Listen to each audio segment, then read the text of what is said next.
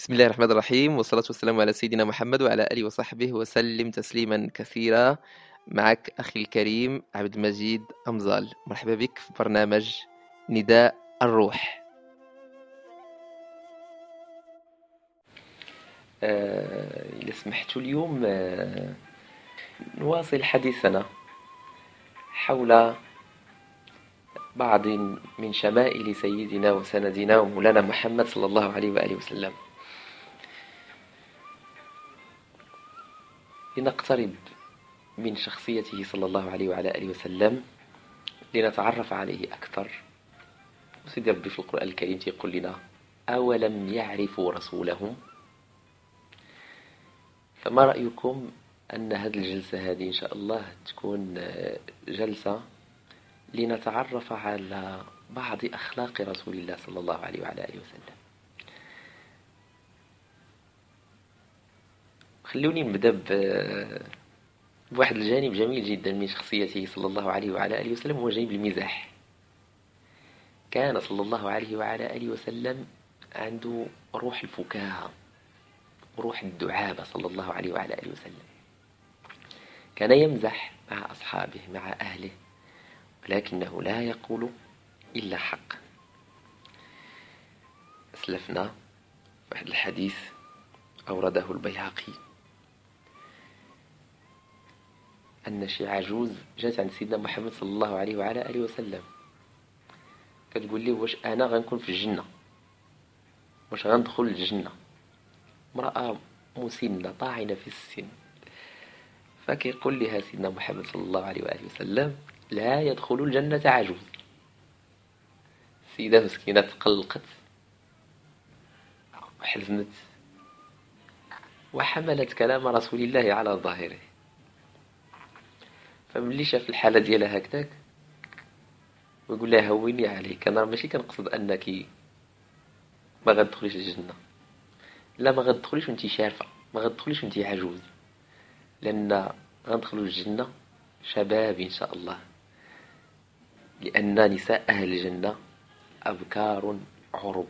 سيدي ربي تيعاود يرجع للمرأة الجمال ديالها وتيرجع ليها الشباب ديالها وتيرجع ليها النضارة ديال الوجه ديالها فبالتالي ما بقات تما شروفية كتعرفوا أحبتي الكرام بشيء يذكر أن آه،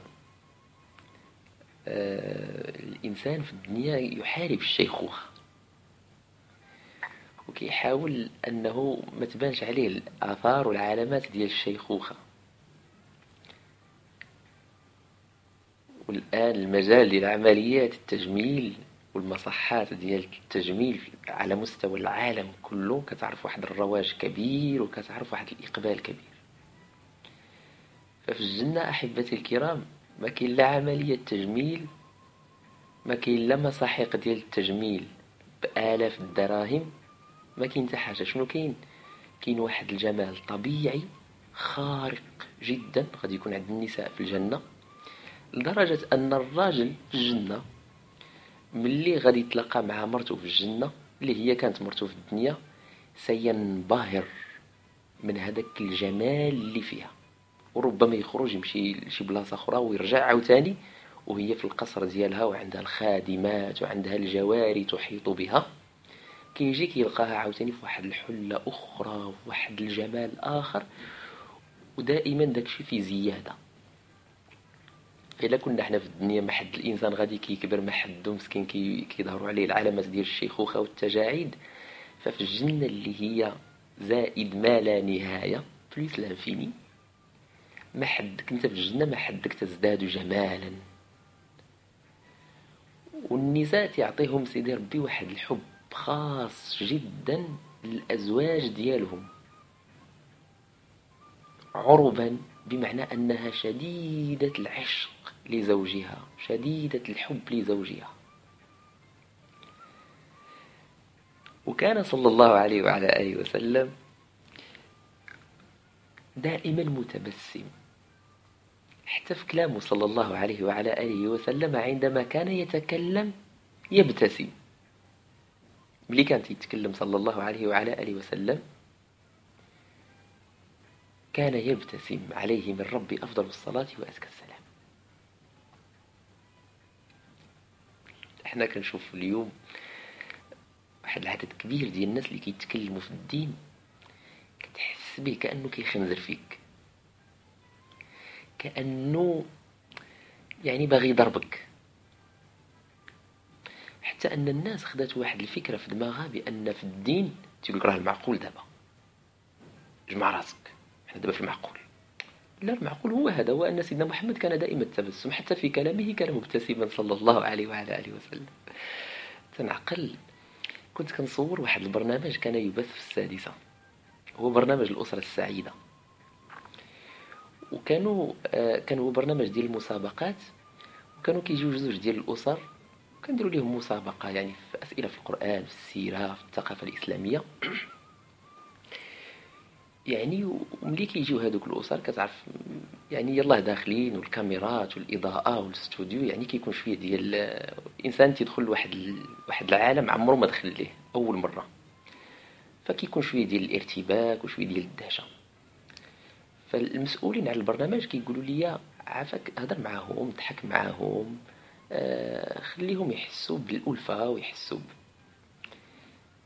ففعلا كنا كان قبل ما يبدأ البرنامج كنا نضحكوا ونتمازحوا ربما كنتعاودوا النكات وكذا باش يولفوني ونولفهم باش ملي يبدأ البرنامج يتحيد منهم يعني ديك الدهشة. العجيب الذي كان يثير انتباهي هو أنهم ملي كنقربوا نبدأو التصوير تيقولوا لي مكلفين بالبرنامج صافي دابا بدينا في المعقول بركة من الضحك. فتنقول أنا سيدنا محمد كان دائما الضحك.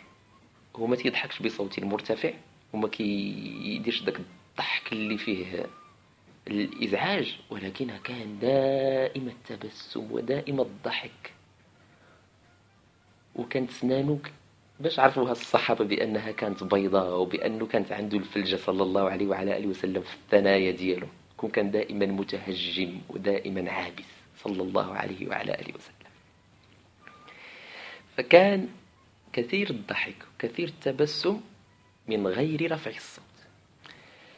وكان صلى الله عليه وعلى آله وسلم يرى اللعب المباح فلا ينكره. وكان صلى الله عليه وعلى آله وسلم آه، متواضع جدا. وحد درجة لا تتصور لدرجة أنه آه، يعني الخدم اللي عنده اللي خدامين عنده في الدار كان يجلس ياكل معاهم في إناء واحد صلى الله عليه وعلى آله وسلم. وربما كان كيعرض عليه شي واحد فقير جدا في المدينة. تعرفوا بأنه إنسان على قد الحال. يعني راه ما غيطيبش ليه الشوا ويطيب ليه البسطيلة ويطيب ليه ما عرفت شنو. كان يعرفوا بأنه يدير شي حاجة على قد الحال. ومع ذلك كان يجيب الدعوة صلى الله عليه وعلى آله وسلم. وكان عليه من ربي أفضل الصلاة وأزكى السلام يشهد جنائز المسلمين اللي عرف واللي ما عرفش. هذه أخلاقه صلى الله عليه وعلى آله وسلم. على مدار هذا اللقاء غادي نقتطف إن شاء الله بعض من أخلاقه صلى الله عليه وعلى آله وسلم. لعل وعسى أن الواحد يقتدي بهذا النبي العظيم عليه من ربي أفضل الصلاة وأزكى التسليم.